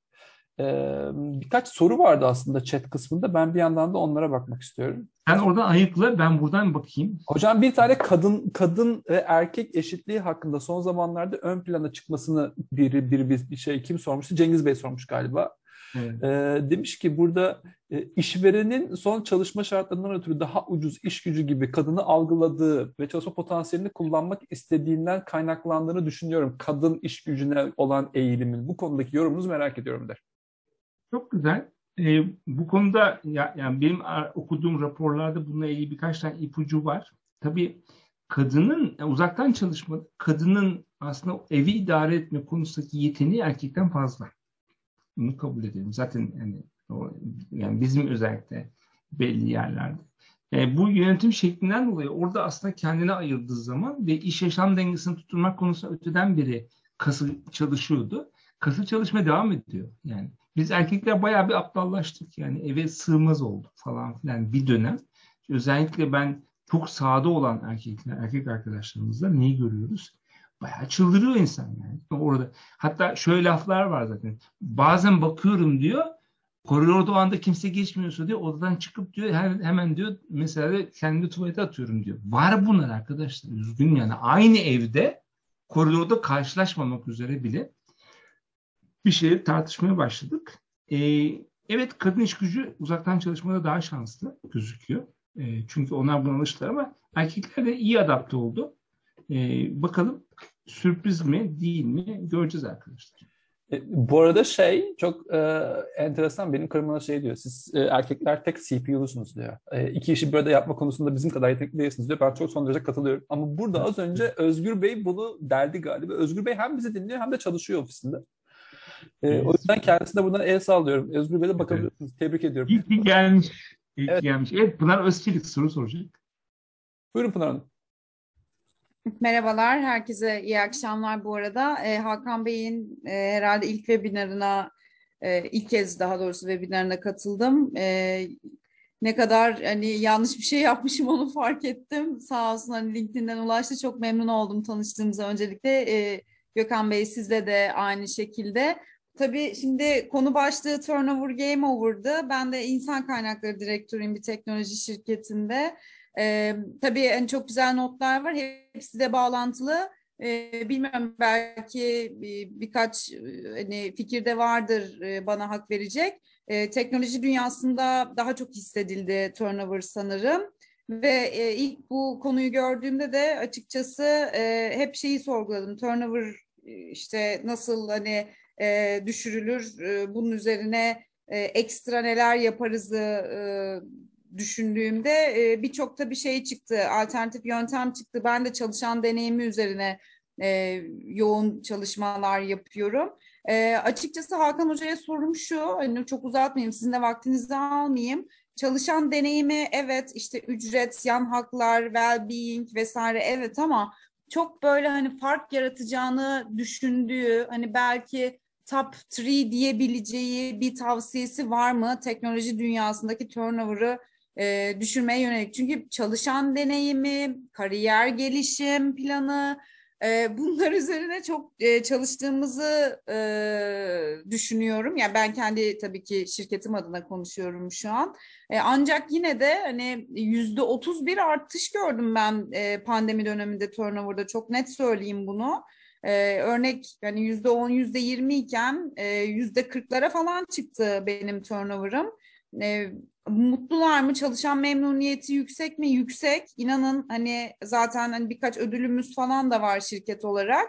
Çalışanlar mutlu mu? Mutlu. E, ama temelde hani e, bu işte e, demin bahsedildi ya yurt dışında e, olanakların artması, işte beyin göçü oluyor bir yandan işte ülkede kalıyoruz, e, döviz kuruyla işte ücret alternatifleri çıktı vesaire birçok faktör var.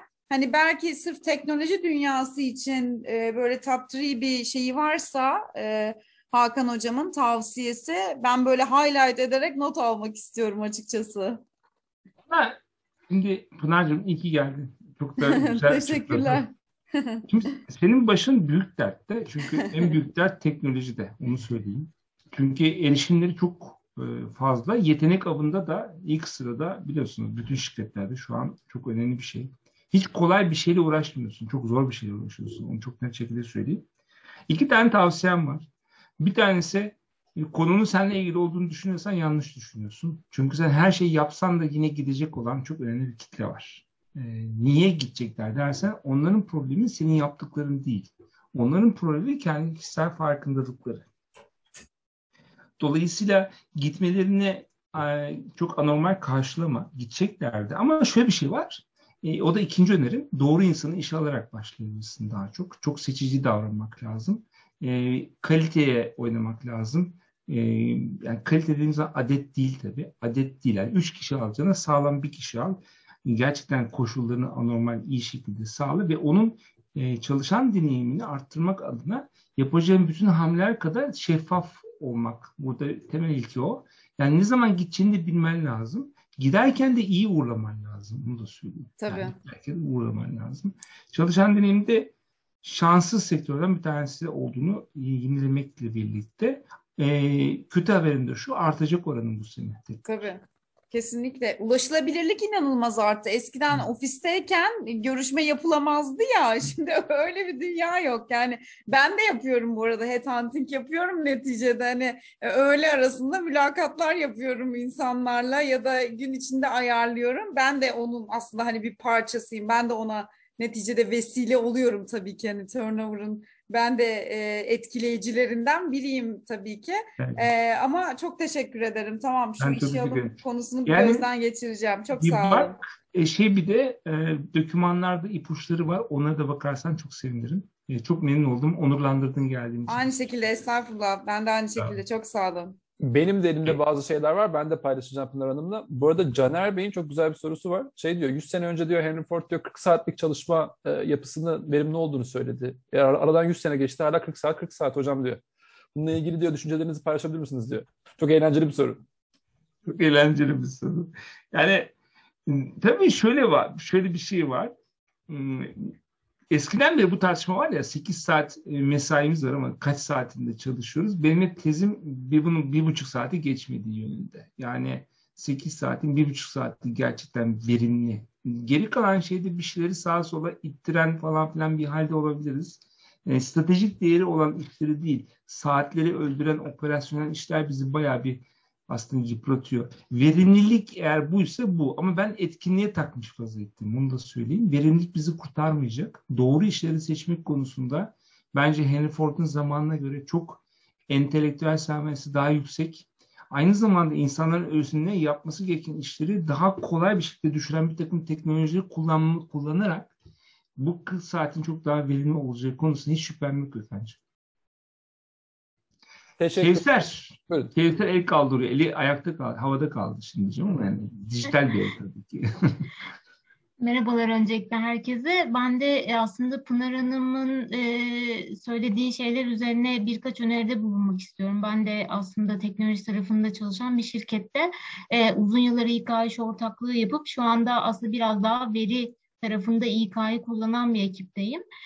ondan dolayı da aslında hazır burada konuşuyorken özellikle turnover'ı konuşuyorken e, şöyle bir yönlendirmem olabilir bilmiyorum şirk, bizim şirketimizde biraz işe yaradı ama e, kişilerin istifa etme ihtimallerini hesaplayabiliyorsunuz aslında. Yani her ne kadar işte e, bakabildiğiniz veri her ne kadar çok böyle işte cinsiyetine göre, yaşına göre, kıdemine göre vesaire olsa da e, siz oradan çıkardığınız datayla e, aslında kişinin neden rahatsız olabileceğini az çok ortaya çıkarabiliyorsunuz. Biz bunu bizim şirketimizde e, aslında güzel bir şekilde uyguladık. Özellikle teknoloji tarafındaki ekibimizde uyguladık. Çünkü en büyük tehlike az önce Hakan Bey'in de söylediği gibi teknoloji tarafında. E, şu an teknoloji e, aslında hani ben bir İK'cıyım, ben bir kamu yönetim mezunuyum ama şu anda ben kod yazmayı öğrenmek zorundayım. Çünkü ilerleyen zamanda e, benim diğer yetkinliklerim çok da işime yaramayacak. Dolayısıyla... Kaç yaşındasın Kevser? Efendim? Kaç yaşındasın? 40 yaşındayım. Bak Kevser 40 yaşında bunu öğreniyorsa lütfen burada herkes buradan bir mesaj alsın. Çok yani aslında birebir anlattığım şeyi yaşıyorsun şu anda. Bu dünyaya girmişsin yani. Prediktif modeller, tahminleme modelleri falan konuşuyoruz. Korkunç güzel şeyler konuşuyorsun. Çok teşekkür ederim. Seni böldüm ama devam eder misin? Ya heyecanlandım. Estağfurullah. Çok teşekkür ederim. Hani ben e, kendi öz ilgimle aslında bu konuya e, yıllar önce e, ben teknoloji tarafının İK iş ortağı olduğum için çok fazla istifa ile pandemi öncesinde karşı karşıyaydım zaten. E, dolayısıyla da bu adamlar neden gitmek istiyor diye düşünerek e, ben bunları neden öncesinde acaba fark edemiyorumu düşünerek bu yola çıktım. Ve o dönemde e, çoğu insandan da destek alamadım. Çünkü e, az önce Öyle sizin de e, sunum esnasında bahsettiğiniz gibi biz pandemiyle öğrendik aslında çoğu şeyi. E, dolayısıyla hani e, eğer e, hani destek isterse Pınar Hanım'a da destek olmak isterim o noktada. Kişilerle ilgili geçmişten gelen alışkanlıklarını bir şekilde makine öğrenmesine koyduğumuzda aslında ilerleyen zaman gelecek sene benim çalışanlarımın işte yüzde e, atıyorum 30'u ücret sebebiyle gidebilir diyebilir noktaya gelebiliyorsunuz. E, ama bu uzun yıllara dayanan verinin çok sağlıklı bir şekilde e, analiz edilmesiyle de alakalı. Hani bu noktada aslında İK'cılar olarak bizim en büyük eksiğimiz gerçekten teknolojiye e, şimdiye kadar çok yaklaşamamıştık. E, bu, şu anda biraz biraz e, ilgi artmaya başladı. İK analitiği o anlamda birazcık daha önem kazandı diye dipnot düşmek istemiştim sadece. Gevser'cim şimdi çok şahane bir şey söyledin ama bakın buradan şu anlaşılmasın. Herkes kendi verisini değerlendirmekle ilgili bir denklem çıkartmasın buradan Kevser. Onu da özellikle belirtmek istiyorum. Yani şöyle bir şey var. Ben bir veriye sahibim kendi personelimle ilgili. Bunu mıncıklamayı öğrenmeniz lazım. Tamam mı? Ama bunu mıncıklarken best practice dediğimiz benchmarklar olabilir değil mi? Yani başka sektörlerden, başka şirketlerin yaptıklarından bazı ipuçlarını yakalamanız lazım. O yakaladığınız ipuçların bazılarını nereye tekrar kaşımanız gerekiyor, nereye tekrar mıncıklamanız gerekiyor demek için tekrar oraya bakmanız lazım. Bu sonsuz bir döngü. Yani şunu şunu çok iyi anlamanız lazım. Bu iş yapış şeklinizin doğal bir parçası haline gelmiş durumda olacak. O Aynen. zaman başarı kaçırılmaz. Ee, yani benim mesela bir önceki yıl e, kullandığım modelleme e, bir sonraki yıl için geçerli Tabii. değil aslında. Kesinlikle yani öyle. her sene Çünkü onu ayrı değil. ayrı parametrelerle e, ve ağırlıklandırmalarla güncellemek gerekiyor. E, o nedenle e, biraz daha aslında bu alana ilgi e, duymaya başlamamız gerektiğini düşünüyorum ben İK sektörü olarak. Çok memnun Böyle oldum. bir dipnot düşmek istedim. O onur verdiğimizde. Bu arada Özgür Öztürk ciddi bir şekilde inşaat mı yapıyorsun? Ne yapıyorsun abiciğim? Bir şeyler kesip duruyor. Korktum valla. Ne yapıyorsun Özgür orada? Ben kulağım sizde hocam. İyi Baştan çok güzel. Çok yönlü bir arkadaşımız. Aynı anda marangoz ustası kendisi. Yani İK ve marangozluk bir arada gibi gözüküyor. Bir, bir erkekte olmayan en önemli yetenek iki işi bir arada yapabilmek. Deminden beri gözüm takılı ne yapıyor? Hatta yer değiştiriyor bazen ekranda. Gözüm tekrar onu arıyor. Ne yapıyor bu adam şimdi diyorum. Hala yapıyor. Deminden beri testeresi elinde. Kolay gelsin kardeşim. Hocam Hakan Cem Topal'ın da bir sorusu evet. var. Hakan Bey lütfen buyurun. Hakan herkese, ne haber? Herkese merhabalar. Hakan hocam merhaba. Nasılsın iyi misin? İyiyim abi. Şimdi ilk başta sondan başlayayım. Kevser Hanım'a tebrik ediyorum. Çok güzel bir bence öngörüde bulundu. Yani insan kaynakları IT'yi keşfetmeye başladı. Bu arada ben dijital dönüşüm müdürüyüm e, Floxer'de. Daha önce de yaklaşık işte 95 yılından beri IT müdürlükleri yaptım birçok şirkette. Kevser Hanım'ın dediği çok doğru. İnsan kaynakları IT'yi anlayamadı. Bence hala da anlayamıyor. O da ayrı bir konu. Şimdi Hakan Bey'in lisansı nedir? Onu bilenler vardır, bilmeyenler de vardır. Ee, aynı lisans. Bilgisayar mühendisi aslında baktığımızda. Şimdi teknoloji en büyük hakikaten kaçış var. Teknolojiden insanlar niye kaçıyor? Birincisi biraz önce Hakan Bey'in dediği bence seçim çok önemli. Düzgün insanları seçmek önemli. Biz bugüne kadar insan kaynakları olaraktan IT'nin ne yaptığını anlayamadığımızdan dolayı sadece bir şekilde onları testlere soktuk. İngilizce mülakatlara soktuk. Teknik yeterliliğini ölçemedik. Teknik yeterliliğini ölçemediğimiz için bence kişisel görüşüm İK tarafıyla IT arasında çok büyük kopukluklar oldu. Bu birincisiydi. Biz peki ne yapıyoruz? Şimdi İK'cılar bulamıyor. Biz de IT tarafında biz de bulamıyoruz. Biz de şu an İK'cıdan şu farkımız yok. İnsan e, arıyoruz, sağdan soldan görüşmeler yapıyoruz. Biz gençlere döndük. Üçüncü sınıf öğrencilerini, dördüncü sınıf öğrencileri kadromuza aldık şu an. Selçuk Üniversitesi'nden, Akdeniz Üniversitesi'nden, Kıbrıs Üniversitesi'nden üç tane öğrencim var. Şu an ama Bodros'u bizde ve bir fiil bizde çalışıyor. Aynı zamanda eskiden İngilizce bilmek artıydı. Şu an İngilizce bilmeyenler e, artı pozisyonda. Yani yabancı dil bilmiyorsa e, bizim için daha artı değerde. Öyle düşünüyoruz. Kalıcı çünkü.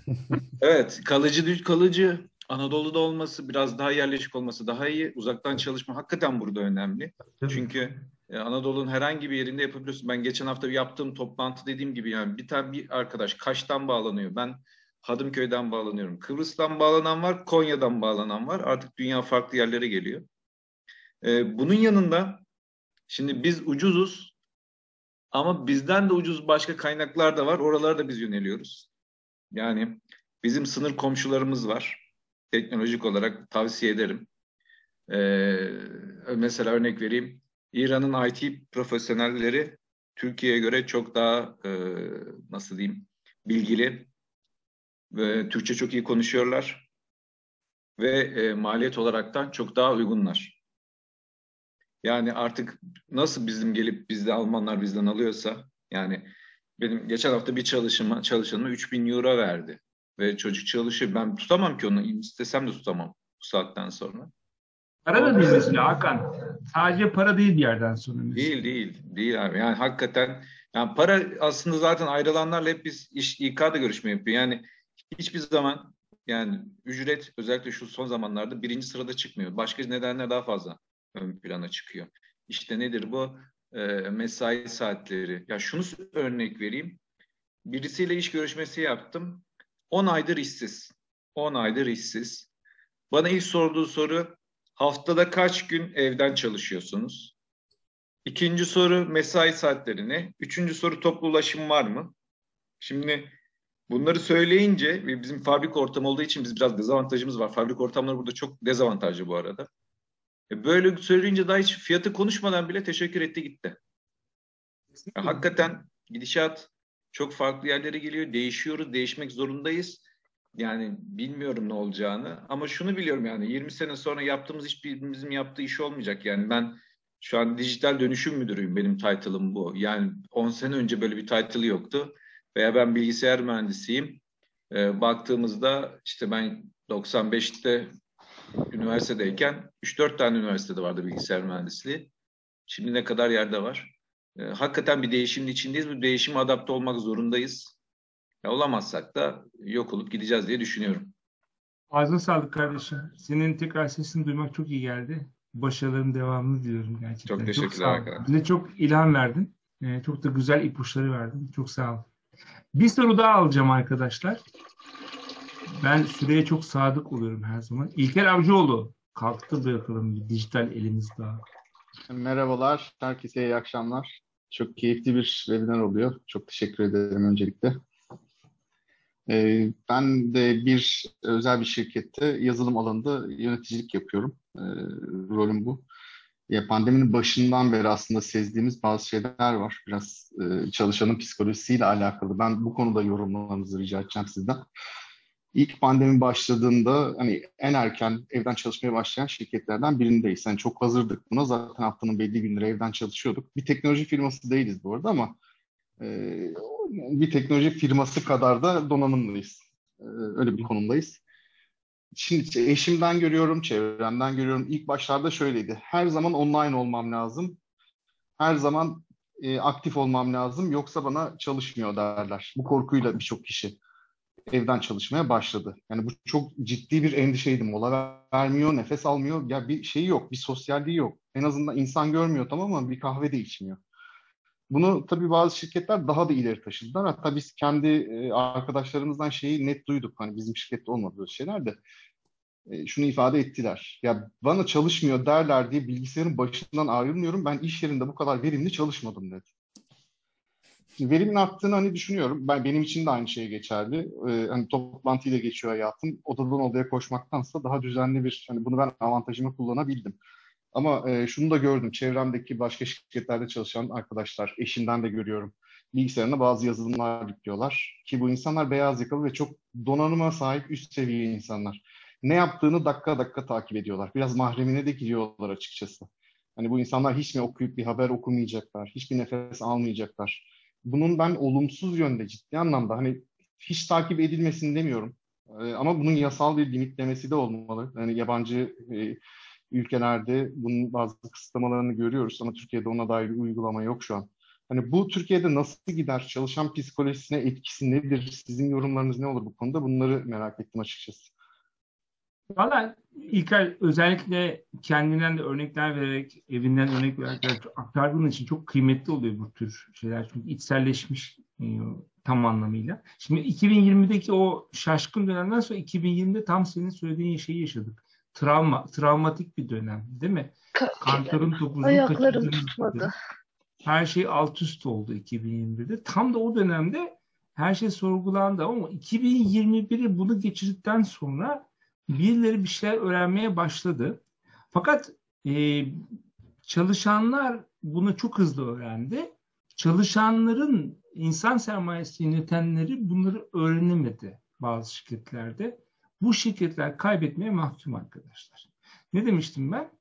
E, anahtar performans göstergelerinde yeni şeyler bulmanız lazım. Yani bir insanın saatlik bazda değerlendirmek artık beyaz yaka için gerçekten acayip zor bir şey olduğu bir dönemde e, çıktı ağırlıklı bir performans sistemine nasıl geçilecek konusunda e, bakmamız lazım.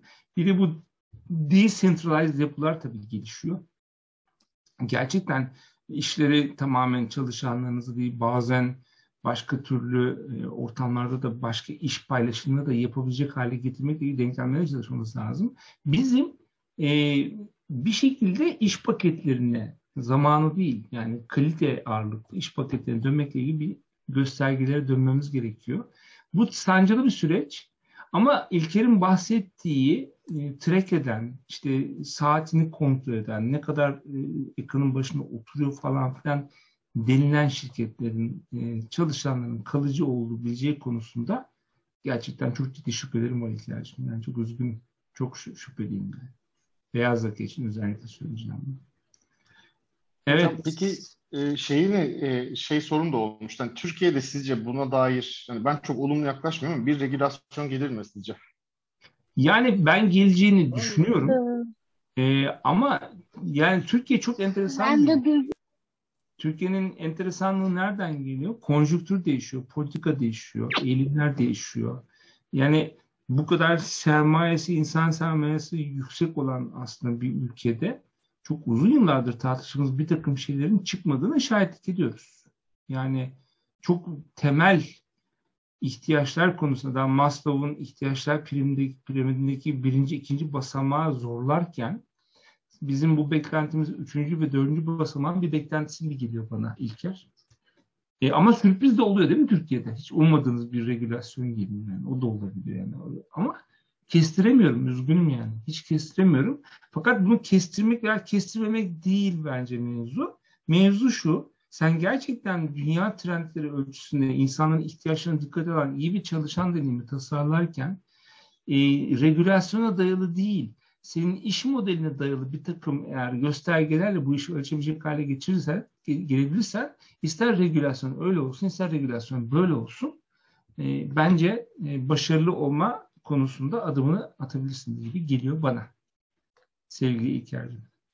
Hocam son Evet. soru demiştik ama iki tane çok güzel el kalktı. Evet. Cevaplarız. Başka yok. Barış'la Hakan'ı alacağız. Tamam. Evet Barış Aslan.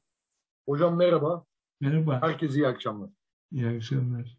Bir ilaç firmasında Ege Bölge Müdürü olarak görev yapıyorum. Ee, öncelikli olarak sunum için çok teşekkür ediyorum. Ağzınıza sağlık. Çok e, birazcık da e, farklı bir tarafa çekeyim hocam sorumla beraber hadiseyi. E, Birçok katılımcının da tanıdığı Richard Branson'ın o meşhur sözü var ya, e, çalışanlarınızı öyle iyi eğitin ki istedikleri yere gidebilsinler ama öyle iyi davranın ki hiçbir yerde gitmek istemesinler. Hazır e, konu başlığımız e, turnover eşittir game over olduğuna göre bunun altını e, özellikle biz orta kademe yöneticiler için bize tavsiyeleriniz nelerdir? Nasıl doldurabiliriz hocam? Şimdi Barış yani şirketlerde temelde üç seviye var değil mi? Üst yönetim var. Daha stratejik eksende hareket ediyor. Orta katman var. Senin de olduğun işte bölge müdürleri, müdürler, yöneticiler bir takım falan. Bir de alt var. Hani operasyonel tarafta çalışan. Sen, biz şimdi o senin tarif ettiğin yer sıkışan yer. Sıkışan yer çok sıkışıyor şu anda. Niye sıkışıyor? Çünkü çok belirsizlik var. Yukarısı bambaşka bir tondan e, konuşuyor. Aşağıda bambaşka bir ton var. Ve Barış arada çaresiz. Çırpınıyor. Adam tutamıyor, çalıştıramıyor, yönetemiyor, performanslı falan filan.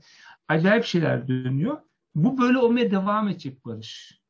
Bir süre daha böyle devam olmaya devam edecek. Çünkü yaşadığımız bir takım şokların sindirilmesi diye bir şey var. Ama bu arada püf noktayı söyleyeyim mi sana? Barış ne yapıyor bu dönemde?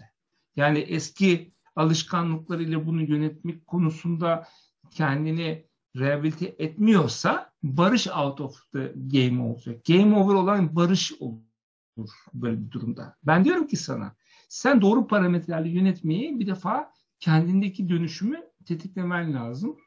Yukarıya sesini duyuramadığın an çok fazla olabilir ama altı elde tutmakla ilgili çalışan deneyimini e, bir şekilde pozitif etkileyebildiğin tek bir departman var seninle kol kola girebilecek.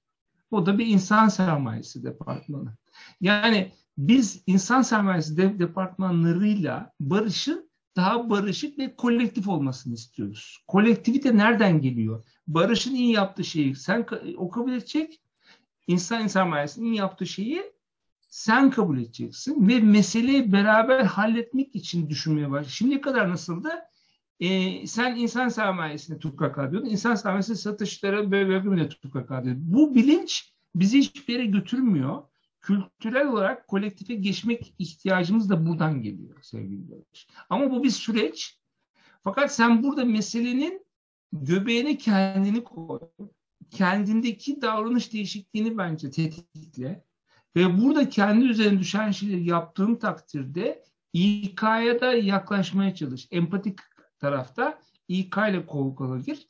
Geri kalan meseleler hallolur veya hallolmaz. Ama o zaman Richard Branson'ın lafı da devreye girer. Barış o kadar iyiydi ki bizim şirket Barış'ı tutamadı.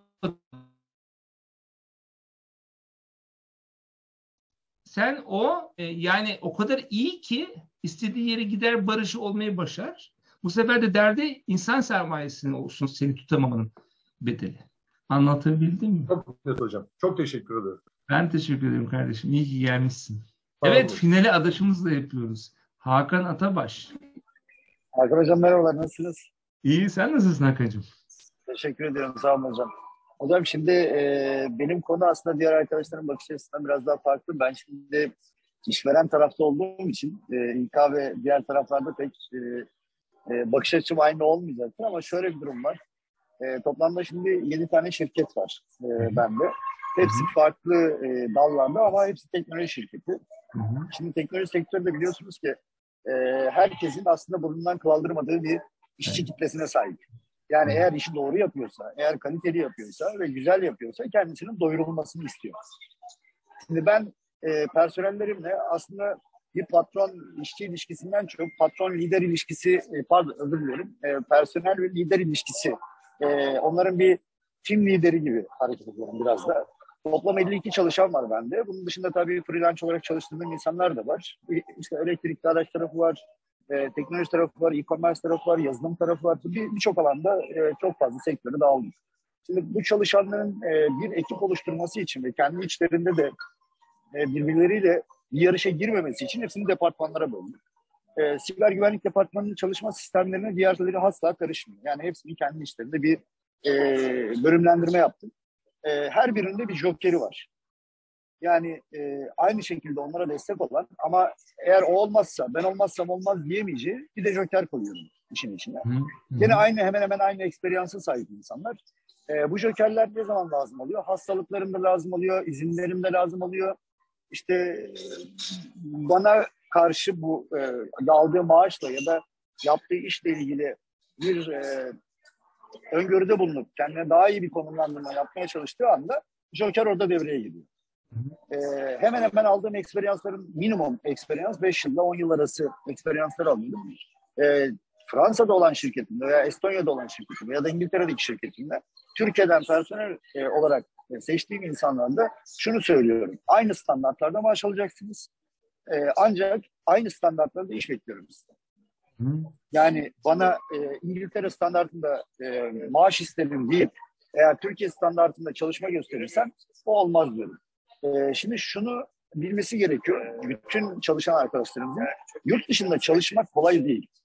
Bu bir, bir kere bir gerçek. Yani hiç kimsenin e, yurt dışında 2000 euro veya 5000 euro veya 4000 euro maaş veriyorlar diye çok iyi çalışma koşulları olduğunu düşünmesin. İnanın bana e, birinci ay, ikinci ay, üçüncü ay e, bakarlar size. Dördüncü ayda sepetlerle hiç umurlarında bile olmaz da gözün yaşında bakmaz kimsenin. Yani oradaki insanlar. Buradaki Türkiye'deki senin aile durumunu anlayabilir. Ee, içeride yaşadığın psikolojik problemi anlayabilir. Ya da bir süre seni bu anlamda idare edilmiş. Ya da bir şekilde seninle iletişim kurduğunda farklı bir e, bakış açısı yaratabilir ama yurt dışındakiler böyle bir mantıkla çalışmıyorlar. E, İngiltere'deki ortamda da Fransa'daki ortamda birbirinden farklı iki konu var. E, Fransa'da çok düşük bir maaş kitlesi var. Yani e, simit dediğimiz maaş olayı e, normal standartlarda işte 1200-1400 euro. Benim yanımda çalışan profesyonel işte 8-10 yıl deneyimi olan bir kişi şu anda 3400 Euro'dan 5000 Euro'ya kadar maaş alıyor. Ve ben 5000 Euro'da onun için devlete ödüyorum. Yani Türkiye'deki şartlar gibi nasıl koşullar aynıysa bunda 5 bin euro da devlet ödemeyi bana bir kişinin maliyeti 10 bin euroya geliyor şirket olarak. Dolayısıyla bu kişinin bana en az 50 bin euro civarında bir para kazandırması gerekiyor ki ben bu maaşı karşı tarafa sağlayayım. Buna benzer 52 personel olduğunu düşündüğümüzde de e, beni zorlayan iki tane koşul oluyor. Bir devlete verdiğim taraf, bir de e, bana çalışan insana verdiğim para var. Türkiye'deki koşullarda da bence iyileştirilmesi gereken devletin e, şirketlere ya da personele sunduğu imkanların şirketler nezdinde biraz daha sosyal haklara sahip olabilmesini sağlamak bir anlamda. Çünkü yurt dışındaki kişiler ben eğer işten çıkarırsam o kişiyi iki yıl boyunca devlet ona bakıyor. Anlatabildim mi? Yani sosyal hakları biraz daha fazla. E, dolayısıyla hani personel tarafında e, kişilerin iş seçmesi ya da daha iyi bir şekilde hayatını sürdürebilmek için Avrupa'ya gitmeyi istemesi, yurt dışında çalışmayı istemesi, aynı çalışma performansını gösterip yurt dışında daha iyi para alabileceğini düşünmesi bence çok büyük bir hata. Çünkü e, Türkiye'deki çalışma koşulları ve şartlarıyla e, aldığı eğitimlerle, sertifikasyon programlarıyla yurt dışında bir yere sahip olması ya da çalışması kolay değil. Sadece HTML, CSS biliyorum diye de iş Hakan bir şey soracağım. Soru var mı? Evet, soru şu. Ben Türkiye'deki personellerle çalışırken ya da iş alımında işçiyle e, iletişim kurarken e, en önemli konu kişinin sürekli eksperyansını ön plana çıkarması. Ancak yurt dışındaki eksperyansla eşleşmemesi. Ben burada personelle iletişim kurduğumda neyi baz almam gerekiyor Türkiye'de? Çok güzel. Şimdi iki üç tane şey söyleyeceğim. Çünkü iyi bir patronsun ama bir şey atlamaman lazım. Senin anlattığın şey önemli değil. Çalışanın ne hissettiği önemli. Onun için sen vergi vermişsin, onu yapmışsın, bunu yapmışsın. Bu senin bahsettiğin şey algı. Ve çalışan deneyimi olarak baktığın zaman Almanya'daki bir adamın çalışan deneyimi olarak beklentileriyle Türkiye'deki bir adamın çalışan deneyimi olarak beklentileri arasında kültürel boyutta ve beklenti seviyesi olarak fark olduğu gibi e, bu çalışma disiplini içerisinde bir fark var ve şu kabulü yapman lazım. Hiçbir şekilde oradaki ücretle buradaki ücret veya oradaki standartla buradaki standart örtüşmeyecektir. Benim sana şiddete tavsiyem ne olur? Birincisi e, merkezini yurt dışına taşı. Ana dilini şirketini yabancı dil yap. Sen yabancı menşeli bir şirket olarak hareket ettiğinde muhtemelen sana gelen Türk insan kaynağı da evrimleşerek o standartlara gelmeye başlayacak. Sen şimdi Türkiye'deki X bir adım alıp kabiliyetlerini yükseltip bir zaman sonra e, Avrupa'daki bir adamla benchmark'a sokuyorsun. Bu seni acayip zorlayan bir şey. Bir defa buradan çıkman lazım birincisi. İkincisi o yedekleme medekleme işi biraz hikaye. Neden biliyor musun? Toplu istifaların artacağı bir döneme giriyoruz. Bunu söylemeyi unutmuş olabilirim. Toplu istifalar artıyor abi. Tamam mı? Yani bir bölümün tamamını istifa edeceği şeyler olacak bundan sonra. Ve bunlar her geçen gün e, bir şekilde ortaya koyacak gerçekten. Diğer taraftan bence sen patron ol. Asla lider olma abi. Çünkü bu bu nesil patronu seviyor. Patronu e, patronu lider değil, patron olmasını seviyor. Takım liderliğini başkalarına bırak diyeceğim ben sana. E, ama şunu bekleme. Hiçbir Türk çalışan sadece Türkiye'yi görmüş birisi bir Almanın ne çalışma koşulundan anlar ne onun dinamiklerinden haberdar olur. Orayı yükselttiğin zaman da dayak yemenin ötesine geçemezsin sevgili kardeşim. Bu, bu, bu manzarayla ben defalarca karşılaştım. Ee, çok uzun bir konuşma olmasın diye de arzu ediyorsan bir yarım saat Gökhan ayarlasın. Ben sana bu konudaki tecrübemi aktarmaya hazırım. Seve seve hocam. Çok iyi olur benim için de. Çünkü Türkiye'de gerçekten hani ben kalifiye personel tarafında Türkiye'deki insanlarla çalışmayı istiyorum. Çünkü kendi dilimden olan insanlar. Şimdi Fransızca çalışmak, Almanla çalışmak ya da İngilizce çalışmaktan farklı olarak kendi dilinin insanıyla çalışıp ona bir şeyleri daha rahat anlatabilmek çok daha önemli benim açımdan. E, dediklerinize çok dikkat edeceğim hocam. Çok çok teşekkür ediyorum. Ama haricinde yarım saatte görüşmek çok isterim. E, profilden Gökhan ulaşmaya ayarlasın. Buluşalım Çok sevgili kardeşim. Çok Adaşım olun, benim. çok Çok teşekkür teşekkür ederim. ederim. Sağ olun. Hoşçakalın. İyi günler diliyorum. Sevgili arkadaşlar, e, sonlandırıyorum. Süremizi de e, sağlam tutmak için. Sevgiyle aranızda bir sürü isimler gördüm. E, uzun zamandır görmediğim bir sürü arkadaşlarımız. Abdullah, işte Eray, Atilla, ondan sonra Derya. E, hepinizi seviyorum. E, güzellik Ağzına içerisinde- sağlık hocam. Çok teşekkür ederim. Güzellik içinde olun. Bütün dokümanları sizlerle paylaşacağım. Sevgiyle kalın. Kocaman öpüyorum arkadaşlar. Kendinize çok iyi bakın. Çok çok teşekkürler hocam. Nefis bir sunumdu. Çok teşekkürler. Çok teşekkürler akşamlar hocam. Görüşmek üzere. Hoşçakalın. İyi akşamlar. Ağzınıza Teşekkür sağlık. ederiz. İyi akşamlar. Çok teşekkürler. İyi akşamlar. Çok İyi teşekkürler. akşamlar İyi akşamlar. Harikulade bir akşamdı. Bu kadar yüksek katılımın olmasını bekledim ama bu kadar olmasını beklemedim. Paylaşmalıyım. Yüzde onu vurdu. Eski. Evet, evet Özgür, Özgür Bey'i çok alkışlıyorum ben. daha hızlı hareket edip Yaptığı şeyi çok merak ediyorum. Lütfen Akademus'u etiketleyerek paylaşın Özgür Bey. Ak- Şeyden, Instagram'dan ya da şeyden, LinkedIn'den biz de takip edelim. Webinar sırasında üretken olun diyelim herkese. Güzeldi. Bu arada şu anda hali hazırda 5 ya da 6 kişi bize soru göndermiş bir de hemen sorularını. Özgür bitirdin mi işi?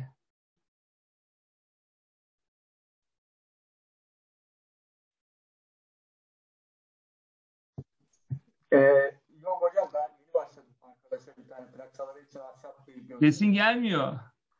Şu an geliyor mu? Şu an geliyor. Bitirdin mi işi? E, yok hocam daha yeni başladım. İstanbul'daki bir arkadaşa plak çaları için ahşap bir gövde yapıyorum da. Oh. Allah, ay, vallahi kolay gelsin kardeşim. Kendine iyi bak. Hocam 19 Nisan'daki kurumsal well-being e, webinarında bitirecek onu zannediyorum Özgür Hocam. Bence de öyle. Orada devam edeceğiz abi. Aynı şekilde ben de öyle. Eraycığım seni seviyorum. İyi bak kardeşim kendine. Sağ olun hocam. Siz de kendinize iyi bakın. Hoşçakalın. Çok teşekkürler. Hepinizi öpüyorum. Kendinize çok iyi bakın.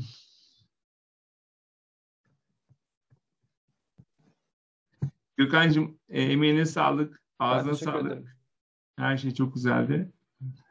Katılım için herkese teşekkürler. Sizin de ağzınıza sağlık. Şimdi ben de kapatıyorum. Ee, Kapat. Hadi oturumu. görüşürüz. Kendinize iyi bakın. Hoşçakalın. Evet.